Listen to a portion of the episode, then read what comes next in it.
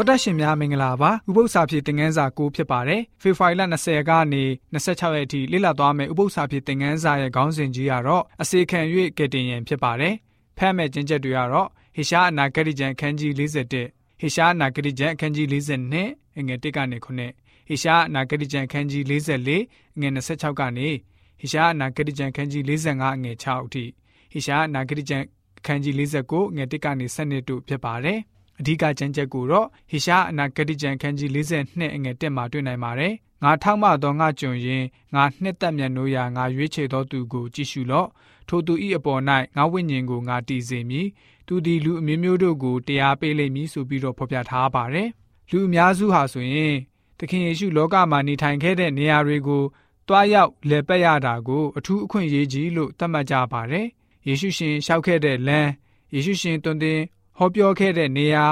ကမ်းနားတောင်ကုန်းဂျိုင်ဝမ်နဲ့လွင်မြင်စတဲ့မျှော်ကြည့်ခဲ့တဲ့နေရာတွေကိုအလွန်ပဲမြင်တွေ့ချင်ကြတာကိုတွေ့ရပါတယ်။သို့တော့ကပရိနောင်နာဇရက်ဘေသနိနေရာတွေစတဲ့ယေရှုရှင်လျှောက်ခဲ့တဲ့လမ်းတွေပေါ်မှာရှောက်ဖို့မလိုပါဘူး။ယေရှုရဲ့ခြေရာတော်ကိုဖျားနာသူရဲ့အိယာအနီးမှာဒါမှမဟုတ်ဆင်းရဲသူဆင်းရဲသားတွေနေထိုင်တဲ့နေရာလူထူထပ်တဲ့မြို့ကြီးတွေနဲ့နေရာတိုင်းဒေသတိုင်းလူသားတွေရဲ့စိတ်မှာအလွန်လိုအပ်တဲ့နေရာတွေမှာရှာဖွေနိုင်ပါတယ်။ ယေရှုရှင်လောကမှာပြုတော်မူတဲ့အတိုင်းယေရှုရှင်ရဲ့ခြေလမ်းအတိုင်းလိုက်လျှောက်နိုင်ပါတယ်ဆိုပြီးတော့ဝိညာဉ်တော်စာပေဖြစ်တဲ့ E.G. White The Desires of Ages စာမျက်နှာ640ကဖော်ပြပေးထားတာတွေ့ရပါတယ်။ဟေရှာယဟာကရုဏာတော်အတိုင်းအစနဲ့အမှုတော်ဆောင်ရွက်တဲ့အစီကံအကြောင်းကိုပြောကြားထားပါတယ်။ဟေရှာအနာဂတိကျမ်းခန်းကြီး42ငွေ3နဲ့9မှာ